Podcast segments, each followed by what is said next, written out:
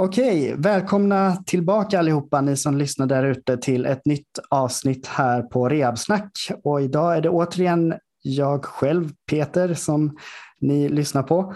Och jag har en ny gäst med mig idag i studion här eh, på länk.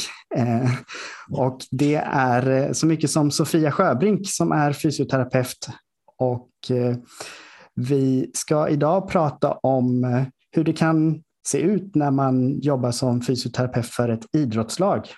Så Sofia, eh, välkommen hit till Rehabsnack. Tack så mycket. Tack.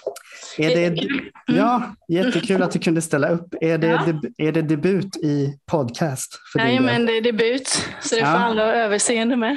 Ja, absolut. Det kommer gå jättebra. Ja. ja, men du och jag Sofia, vi är ju före detta kollegor. Vi har ju yes. båda jobbat på Aleris eh, tidigare.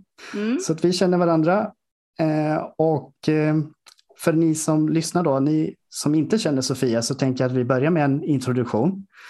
Så att eh, Sofia, du skulle jättegärna kunna få berätta lite om din bakgrund inom fysioterapi ehm, och även bakgrunden inom idrott, om du har idrottat någonting själv mm. Eh, och var du jobbar någonstans nu då och vad du yes. har för eh, inriktning inom fysioterapi.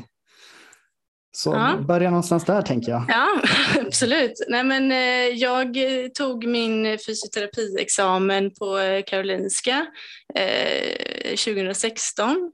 Eh, och eh, under utbildningen ungefär i termin tre så började jag lite smått och var, Eh, hjälpa ham ett handbollslag som jag själv då spelade i som lite fysioterapeut. Eh, eh och parallellt höll jag också på att plugga till specialist inom eh, fysisk aktivitet och idrottsmedicin som jag hoppas bli klar med snart.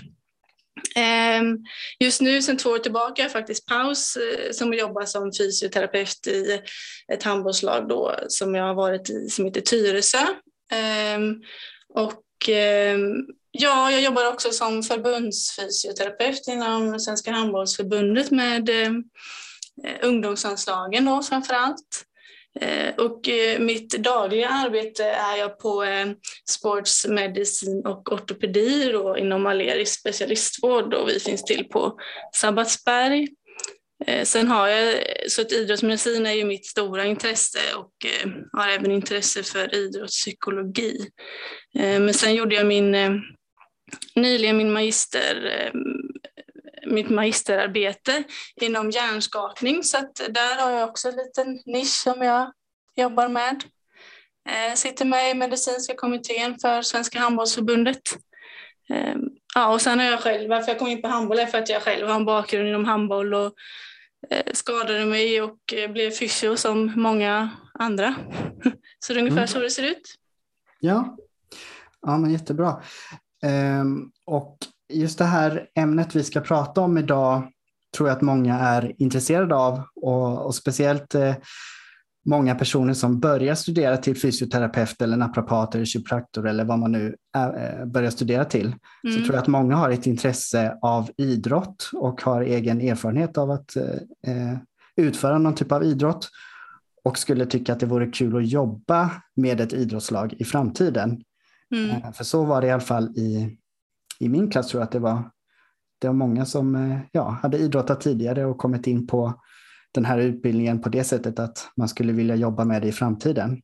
Mm. Sen, ja, så är det ju, sen så är det ju inte, eh, ja det är inte alla som gör det i slutändan då, men det är många, intresset finns ju ändå. Mm. Och jag menar idrottsmedicinsektionen inom fysioterapeuterna är ju ändå stor, det tillhör väl en av de största, mm. tänker jag. Ja men precis. Jag tror det var samma i den, i den kullen jag gick i också, att det var många som sökte in för ett eh, intresse just inom idrottsmedicin. Sen kan det ju ändra sig eh, på vägen då, om man kanske provar och väljer något annat eller något sånt där. Mm. Så tanken idag är helt enkelt bara att ge eh, en bild av hur det kan vara att jobba med, för ett idrottslag med ja, bedömning och, och rehabilitering och allt vad det innebär. Ja. Mm. Det kan ju säkert skilja sig beroende på resurser och, och sådär. Eller det gör det. Mm. hur det ser ut. Ja men precis. Mm. Ja men absolut och sen om, det, om man får någon sån här arvode, alltså mm. någon lön eller om man jobbar ideellt gratis. Mm. mm. Så, så, spelar ju det roll för hur mycket tid kanske man vill lägga ner på det här. Ja, men precis. För, det, för det är ofta någonting man gör kanske utanför sitt eh, andra jobb.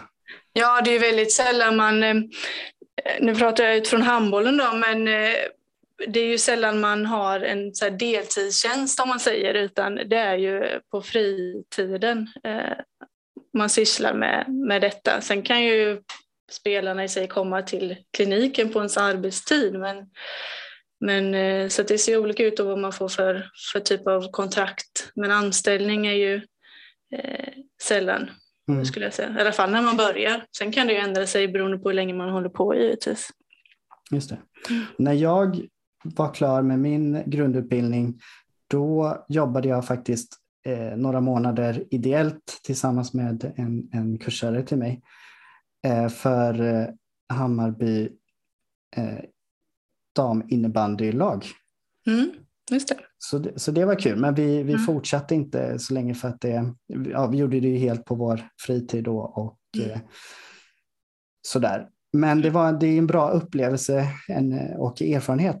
Ja, gud ja. Mm. Jag jobbade ju helt eh, ideellt i början där då, som ett sätt också för, eh, alltså som en erfarenhet, eh, men också för att det är väldigt roligt. Men man lär sig väldigt mycket under den tiden. Mm. Sen så är det väl bra om man liksom fortsätter med det över tid att man ändå får, får något för det utöver liksom kunskapen. Ja. Ja, men precis. För att det ska mm. vara hållbart i längden. Ja, för ens egen hälsa. Ja. Mm. Däremot så vet jag inte hur det är med, liksom, kan man ha en mentor? Eller, för det hade ju varit jättebra när mm. man är ny. Liksom. Man, mm. man är ju ganska ensam, man är ju oftast själv. Mm. Absolut, det är väl det som är den tuffa biten när man eh, Eh, oftast kanske, det är oftast man börjar när man är nyexad eller till och med under utbildningen att, att man är tillsammans med något lag och, och eh, det är väl det som är utmaningen och den tuffa biten när man inte kanske heller har byggt upp ett nätverk med personer som är kompetenta inom det området, eller som man säger. Men eh, Ja, det är utmanande men kul och eh, men det är som du säger svårt när man är helt själv. Mm. Man får, och det ligger på individnivå, i alla fall så som jag har haft det, att då kontakta andra och få stöd eh, från andra fysioterapeuter eller läkare eller kiropraktorer eller vad man nu har för yrkeskategori. Ja.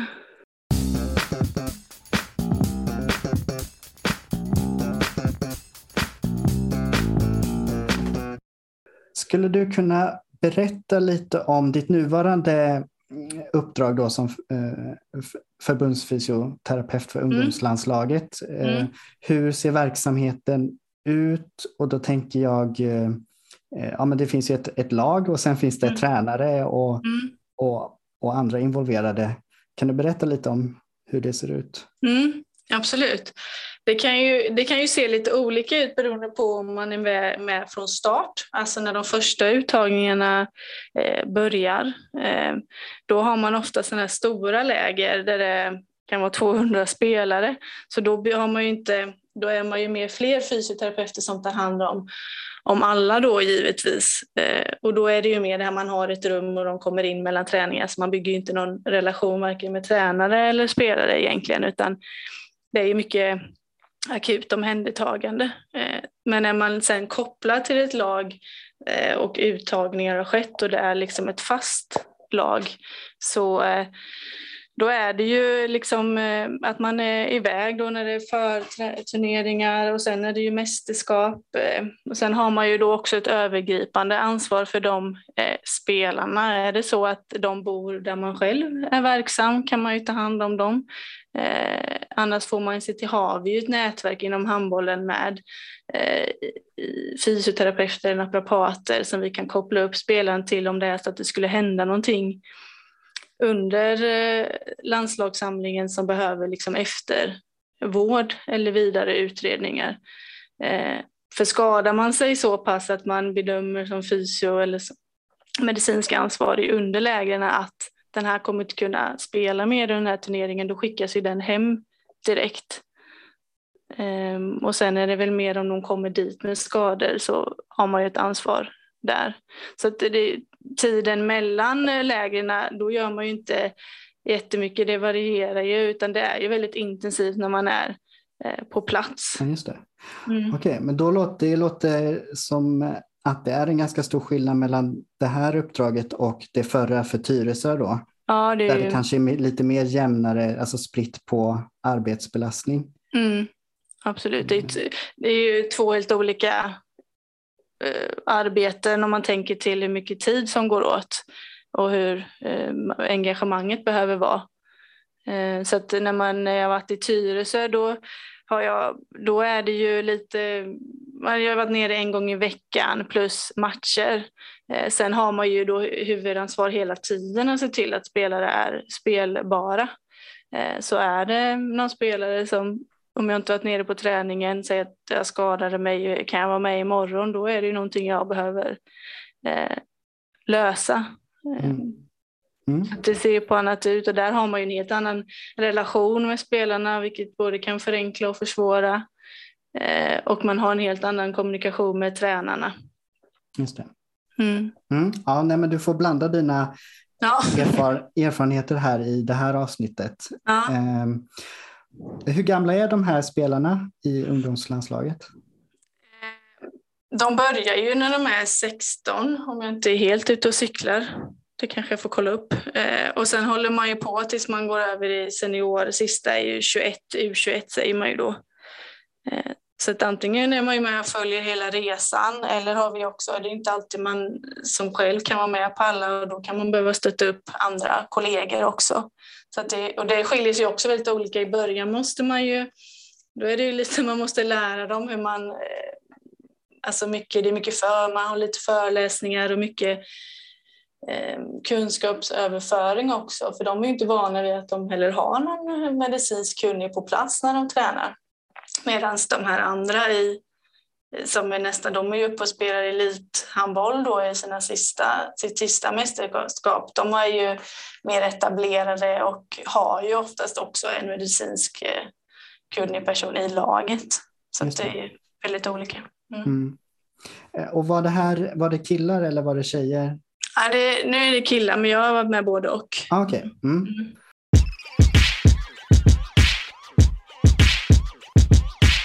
Okej, okay, men då har du beskrivit lite kring hur verksamheten ser ut i, i korthet där.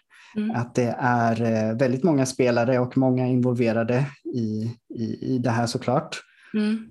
Och, ehm, och kanske andra vårdgivare också som, som du nämnde. Ehm, men vad, din, du har ju berättat lite din roll där, att du har huvudansvar. Eh, mm. om vi går in på vad det kan vara för typ av problematik eh, och besvär som de här spelarna kan komma till dig för. Vad kan det vara för någonting? Kan du ge några exempel? Ja, allt. Nej, ja. Men, nej men det är ju i, och det kan ju skilja sig i åldrarna här nu om man tar till exempel den, min, eh, när jag jobbar för Tyresö som är en seniorverksamhet det är liksom vuxna individer.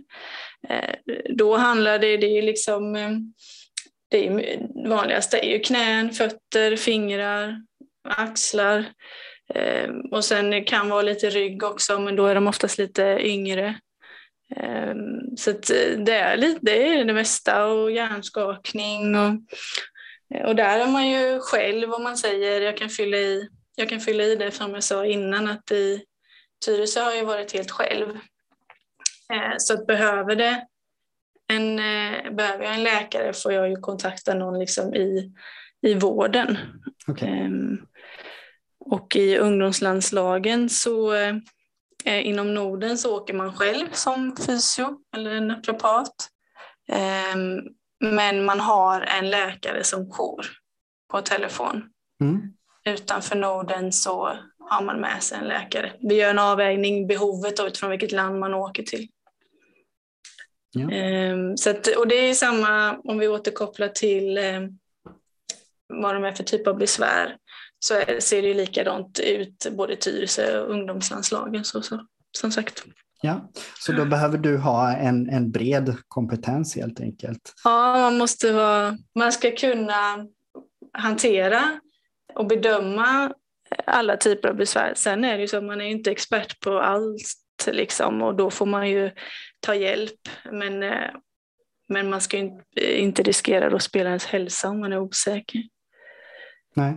Mm. Ja, precis. Jag kom mm. på vad jag skulle säga förut där och det var, eh, jag tänkte fråga ifall ni utför någon typ av screening för, för spelarna. Mm. Jag gjorde det i eh, Tyresö då. Eh, gjorde jag. Men eh, jag, för, eller så här, jag försökte göra en screening på Tyresö en vända men eh, lite som jag nog kommer in på senare så är det ju det där med eh, förutsättningarna och resurserna, både min egen tid och möjligheten på plats Just det, att det är väldigt det. Eh, tidskrävande att screena. Ja. Och jag kan ju tillföra, för jag hade både dam och herr. Okej, okay, ja. Mm. Och då är det inte ens säkert att vi kan liksom förutsäga vem som kommer att skada sig eller inte ändå. Precis, och det var väl den avvägningen jag gjorde. att eh, får jag, Hjälper det mig eh, så pass mycket att, eh, att jag ska lägga den tiden och att spelarna ska ta sig den eh, mm. tiden. Sen har jag ju koll på vad de har haft för skador tidigare och alltså, varit där i fyra, fem år så jag känner ju spelarna väldigt väl. Um, så att, uh, jag gjorde den bedömningen att uh, utifrån vad jag har för möjligheter så gjorde jag inte screening. Mm. Okej, okay, men det är ju många olika typer av besvär som de kan komma till dig med. Vilka skulle du säga är de vanligaste? Är det liksom knä, knäbesvär, knä, fot, ledstukningar? Ja. Vad är det? Ja, det är ju mycket fötter, eh, stukning, fotledsstukningar. Eh, men det är i handbollen en del fingrar också. Eh, inte för att de oftast ger någon större konsekvens liksom att man behöver någon rehab. Eh, men eh, sen är det knän och eh, överbelastning, axlar. Det skiljer sig lite över säsongen också. Eh, ganska typiskt att efter ett sommaruppehåll att man får besvär med axeln när man börjar Eh, skjuta till exempel. Så att man jobbar ju mycket förebyggande kanske eh, mer då som i Tyresö. Att man har, man mer lägger in, eller jag valde att lägga energi på att lägga in förebyggande åtgärder och ta tiden till att instruera dem och utbilda dem i det än att göra screening.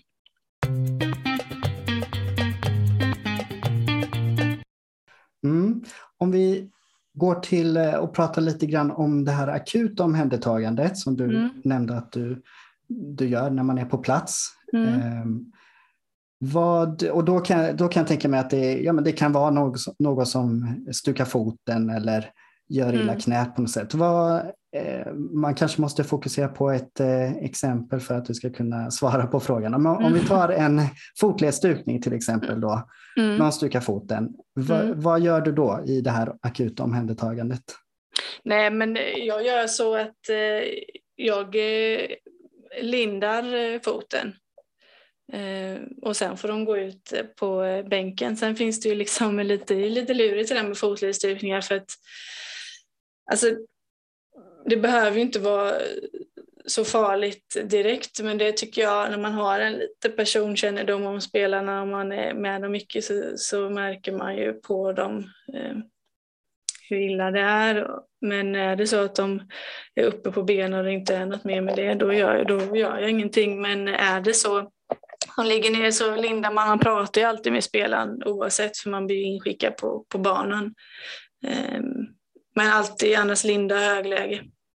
Standard. Just det. Akut. Ja. Mm. Och där gäller det att vara ganska snabb va, om man vill eh, kunna påverka svullnaden. Ja, men man vill ju gärna in fort. Sen är det ju så att man har satt, vi styrs ju ändå av regelverket i handbollen och eh, för, in, för ett tag sedan så satte man upp en, en regel att eh, om en spelare ligger ner och domaren eh, vinkar in mig, då, för jag, får, jag måste invänta signal på att jag får springa in på banan. Är det så att jag springer in, då måste spelaren stå över tre anfall. Så det är inte Ehm, de ligger inte ner i onödan om man säger så. Så det kan vara lite lurigt. Eh, Men man ser ju på dem om de alltså haltar de någonting så är det ju bara att plocka, plocka bort dem. Mm. Mm. Ehm, och just det, för då får de liksom eh, avbryta sitt spel Mm. eh, på oklar tid beroende på hur allvarligt det är då. Ja, precis. Så försöker jag ju liksom ändå. Jag lindar, pratar och, och eh, sen så försöker jag ju ändå om det går eh, undersöka lite snabbt antingen bakom bänken eller om jag går in i omklädningsrummet. Det kan ju bero på när det händer i matchen också, om det snart är halvlek.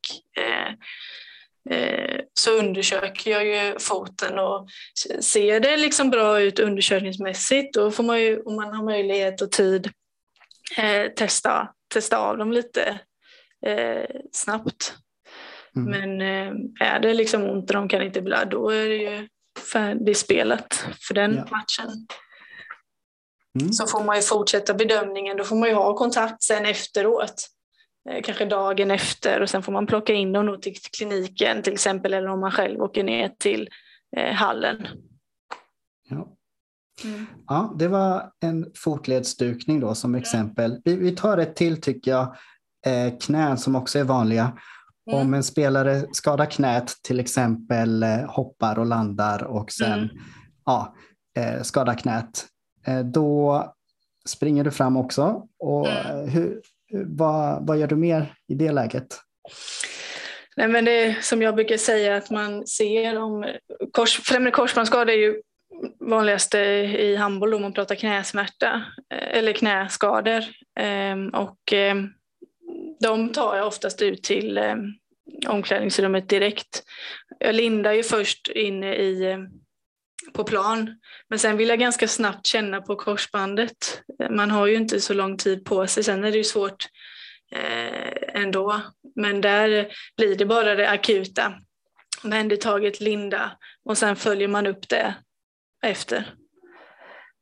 Just det. Och, mm, Eh, Ja, för där som du nämnde då att man har inte så lång tid på sig om man nu vill testa, göra ett kliniskt test på, på knät och korsbandet. nej. Eh, Och det där tycker jag är lite, lite obehagligt kan det vara när man är ny och Mm. inte erfaren. Så kände jag i alla fall. Mm. att eh, Jag tror inte ens jag gjorde det. Jag fick tillfälle att göra det. Men för, det känns ju lite osäkert att gå in och rycka i knät när de Mm. precis har skadat sig. Mm. Ehm, vad tänker du där? Liksom, hur ska man tänka? Gör det ont för, eh, för Ja. personen när man testar? Eller hur? Alltså grejen är ju den att, det näst, eller jag upplever i alla fall att eh, de får ju sånt liksom muskelpåslag som man får när man har ont. Så det är ju svårt att bedöma ändå. Jag kan inte heller säga att jag skulle kunna pricka in det. Eh, Så det beror ju på, ligger de och liksom kvider, då går inte jag och rycker i korsbandet. Nej. Men då, för då är jag så här, ja, men det har ju hänt någonting, vi behöver inte dra i det nu, utan det kan vi Nej. avvakta med. Mm. Ja. Ja, och då har man gjort den bedömningen så, så blir det kanske en MR ändå. Eh, för, för, precis.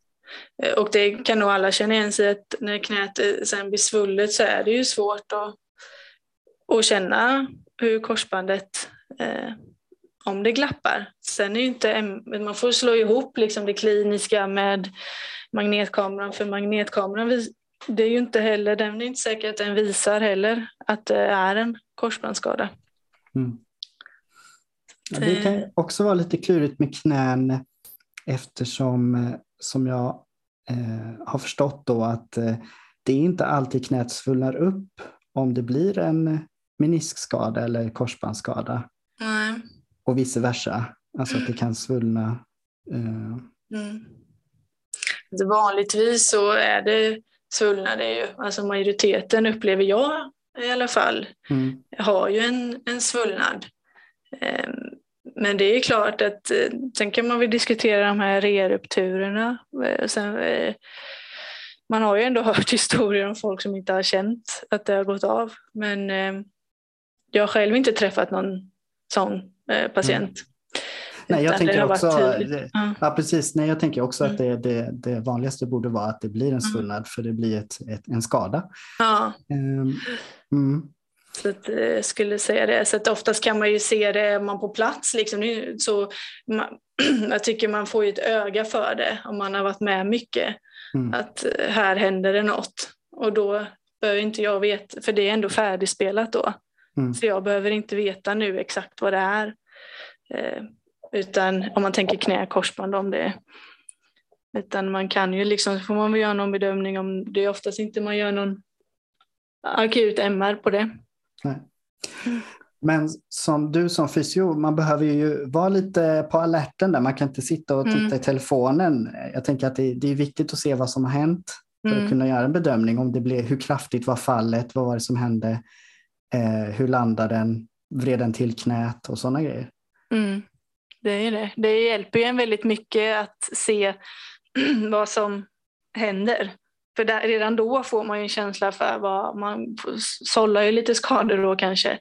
Men man får ju en känsla för vad det kan vara. Sen är det ju svårt ibland om man inte ser, man sitter i fel vinkel, man vet inte var det foten, var det knät de skadade för man, man såg inte. Och där är det väl ännu svårare med hjärnskakningar.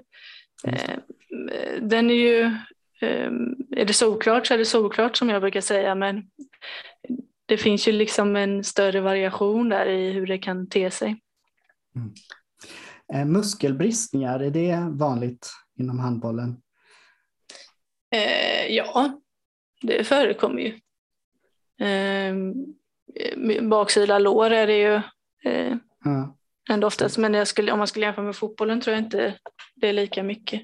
Ja, okay. Men absolut, ja. det är bristningar. Och... Hälsena då och vaden och sådär, hur är det med det i handbollen?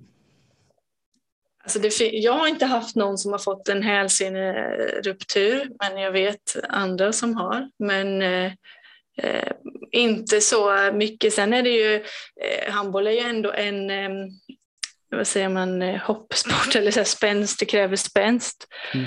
Eh, men de jag har haft har inte haft problem med hälsenan, men det är klart att det förekommer också.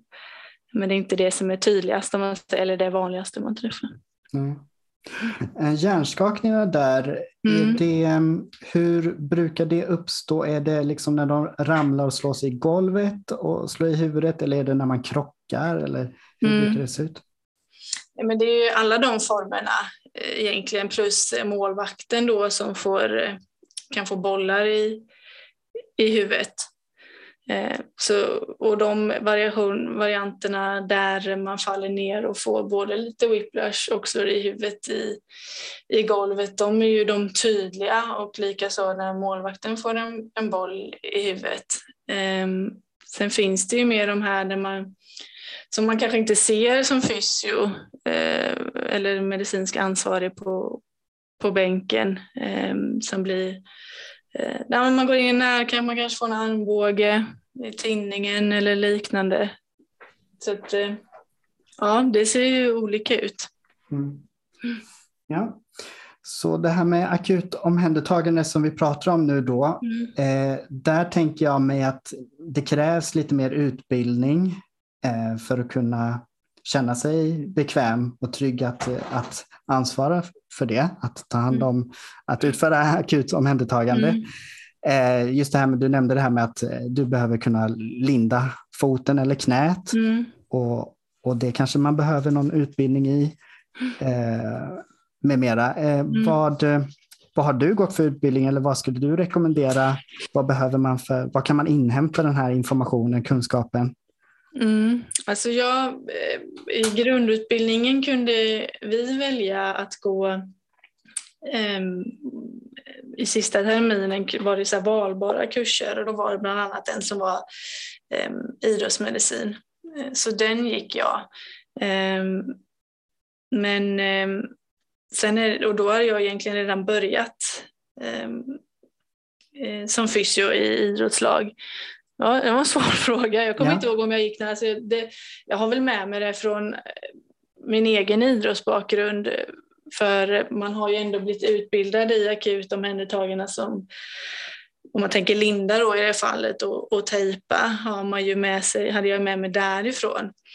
Eh, men annars skulle man, jag skulle nog rekommendera att man kanske frågar någon annan som eh, är med i något lag om man kan få hänga på på några träningar. Eh, snarare kan, man kan ju gå en kurs med, men jag tror det kan inkluderas i många kurser, sånt där eh, akut omhändertagande. Jag tror man pratar om det i grundutbildningen också, om jag inte missminner mig. Men, eh, eh, Ja, men jag nej, tror men det, det- som är... Ja, nej, men det är ju ett, ett jättebra tips, tips Mm. att auskultera, gå med någon. Då Mm. kan man lära sig mycket. Eh, Jag gick ju en, en tejpkurs liksom under grundutbildningen vid sidan om, Mm. kommer jag ihåg. Ja, den gick jag det var ju också. bra, Ja, den var jättebra. Ja, för det måste man ju kunna eh, man Det är mycket tejpning, ja. ja precis. Så det är jättebra att kunna. Sen har jag försökt, för eftersom man inte alltid är på plats, så, så jag har ju hållit även utbildningarna då i den föreningen jag i Tyresö där jag tillhörde, så, man, så alla vet hur man ska bete sig när någon skadar sig. För det gäller ju, ibland har ju spelarna närmare liksom, eller jag inte är där, så att då är det de som får göra det. Ehm, så att man kan ju också, man får ju dela ut det jobbet så att det sköts även de gångerna jag inte är där. Mm. Det är ju jättebra.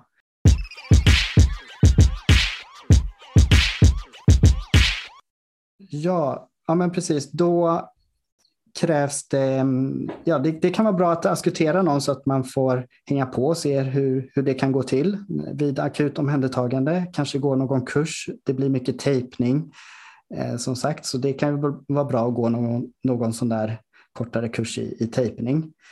Eh, För jag tänker just på det här med akut omhändertagande är ju det som kanske står ut mest, skiljer sig mest från inom citationstecken vanligt klinikarbete om man jobbar på en primärvårdsmottagning. För där är det ju inte akuta besvär på det sättet eh, eh, som det blir eh, för dig. Så Nej. där behöver man ha lite ett annat mindset eftersom att eh, i det akuta då behöver man ju fatta beslut eh, på väldigt kort tid.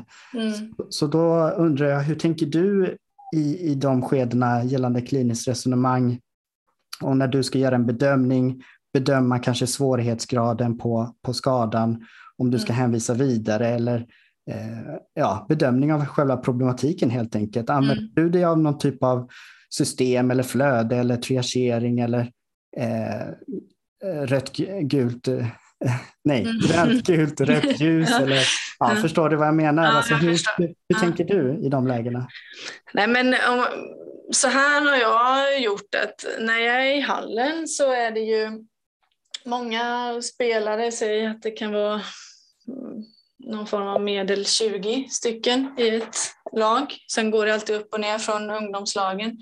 Ehm, så där gör jag ju mer en, en lite snabbare bedömning. Är det här någonting jag behöver ta vidare och eh, göra en liksom större bedömning på min klinik? Eh, eller är det något jag kan ta beslut om här?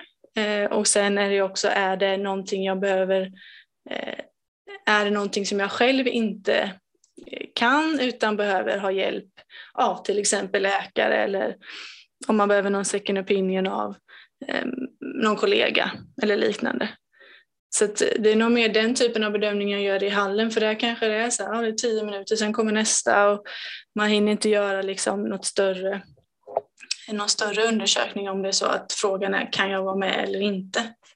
Sen är det, är det liksom en traumatisk knäskada, då är, det blir liksom en annan grupp och man bedömer det. Men eh, i de fallen där det kanske är lite oklart, kanske mer åt överbelastningsskador eller mm, ja, stukningar eller liknande.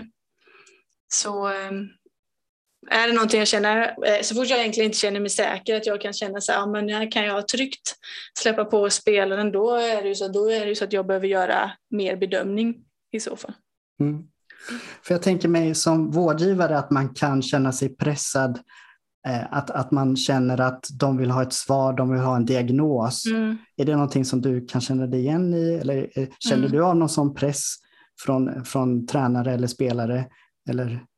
Ja, det är ju, det är ju, en, det är ju en stor del av, av arbetet på fältet som jag brukar säga. Men eh, samtidigt så eh, det blir ju både lättare och bättre med den erfarenheten man får med sig med, när man jobbar med det här.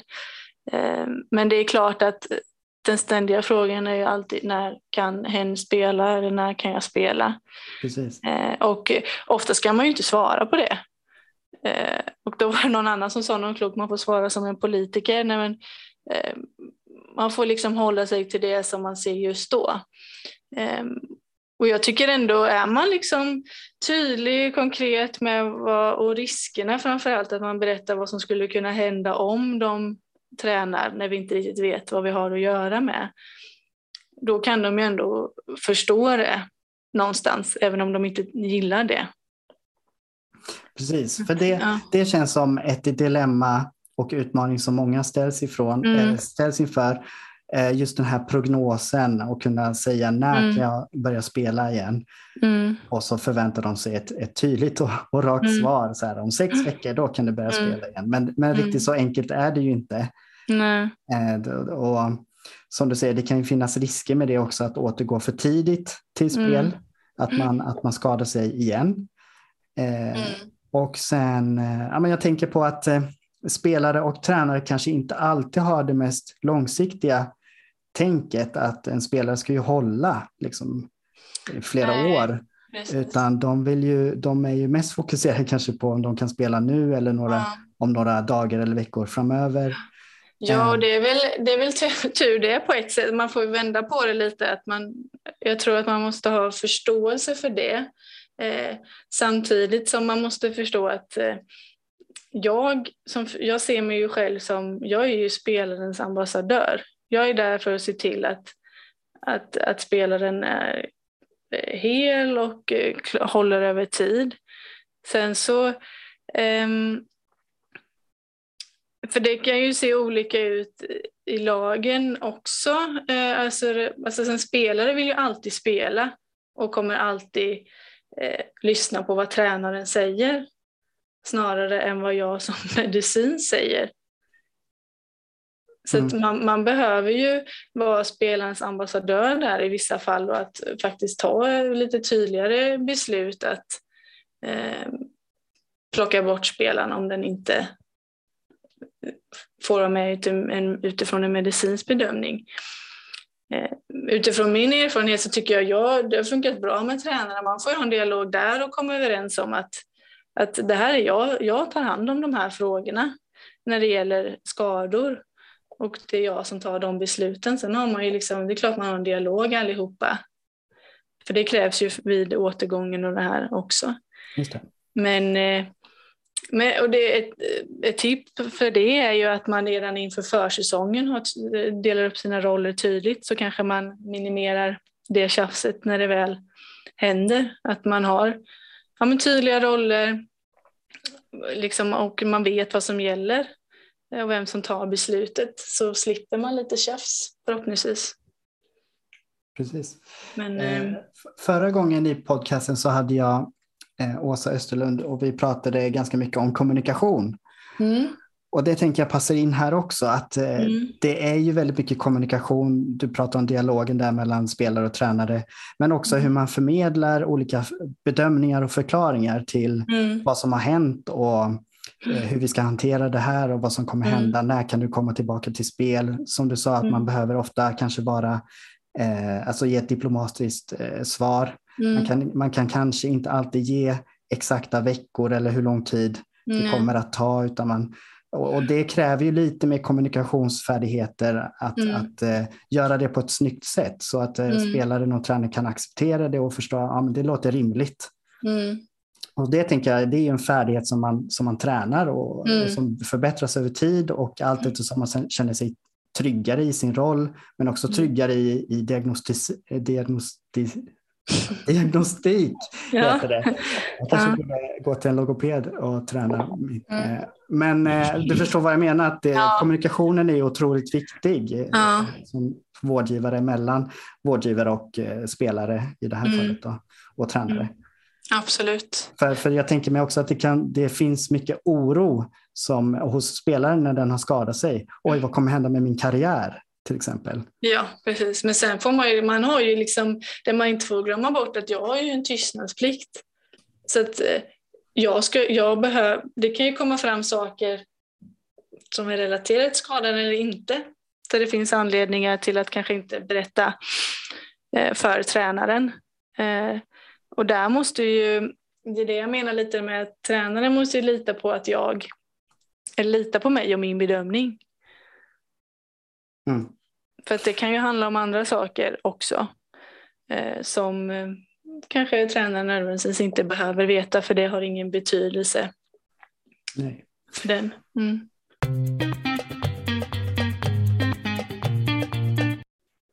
Och du nämnde där i början att du var också intresserad av idrottspsykologi. Mm. Och det kom ju också in, in här då. Eh, och då tänker jag, jag kommer spontant att tänka på Göran Kente. Mm. Eh, har du eh, gått, någon, eller gått på någon föreläsning eller har, har haft någonting med honom att göra? Jag har läst eh, en, eh, på Halmstad universitet så har de en eh, idrottspsykologikurs, jag tror den är sju och en halv, som är väldigt bra. Sen mm. har jag lyssnat på han också i olika konferenser och sådär. Men äh, jag tycker det, det är spännande och äh, det, är liksom, det känns lite som det är grunden till allt man håller på med. För mycket handlar ju om att man måste ju ha Eh, både kommunikation och tillit och, och, förstå den spelare man har framför sig. Och ja, det kan ju prata om hur länge som helst. Ja, men precis, verkligen. Det öppnar upp ett, en, en helt annan... Ja, det är en helt annan... Men, men det för... hänger ju ihop och det, ja. det är det som är liksom biopsykosociala, liksom, att det finns mm. även inom idrotten. Det är inte bara det. biomedicinskt. Det, man blir, nej, det är jättespännande och eh, det skulle jag verkligen rekommendera om man vill jobba inom det här att man kanske läser någon kurs i det med och sen, alltså någon grundläggande, den var bra där på Halmstad för den tar upp många olika parametrar, lite paraply sådär. Ehm, så kan man ju läsa vidare mer själv om man vill. Men eh, då måste nej, jag passa mycket... på att fråga dig eh, mm. när du har gått den kursen och, mm. och, och, annat. Vad mm. känner du att den, alltså att läsa mer om idrottspsykologi, vad tycker mm. du att det har gett dig för kunskaper som du tar med dig i ditt kliniska arbete? Eh, bra fråga. Jag eh, ska försöka sammanfatta. men, eh, nej men, för mig skulle jag säga att även fast man har en förståelse att andra saker runt omkring påverkar en spelare och då menar jag saker som inte har med idrotten att göra. Ehm, men hur mycket det påverkar då i de sammanhangen vi träffar patienterna, som vi, du nämnde innan, att man kan bli orolig eller väldigt ledsen eller arg eller när man skadar sig och vissa ter sig liksom drivande i det, att de ändå har förmåga att eh, då hålla sig motiverande i rehab medan andra inte. Ehm, och, eller i de fallen när man känner att man är lite orolig för patienten kanske, om man tänker andra tillstånd som ätstörningar eller eh, åt det hållet, att man, den tar ändå upp lite vad man skulle kunna ställa för typ av, av frågor och eh, ja, alltså det, det blir ju liksom en större grej. Då handlar det inte helt plötsligt bara om liksom handbollen utan det handlar om hela personen. Och för att sammanfatta det mm, så skulle jag säga sagt, att jag. Ja. Eh, rent konkret är det ju mer när man är skadade och att eh, de mår såklart dåligt i det. Att man får lite verktyg i att eh, hur man ska bemöta det och hur man kanske kan motivera patienten men också hur man kanske ska lägga feedback på ett bättre sätt på än ett annat sätt för den individen. Um, Ja. Mm. Ja, men, jättebra eh, sagt tycker jag.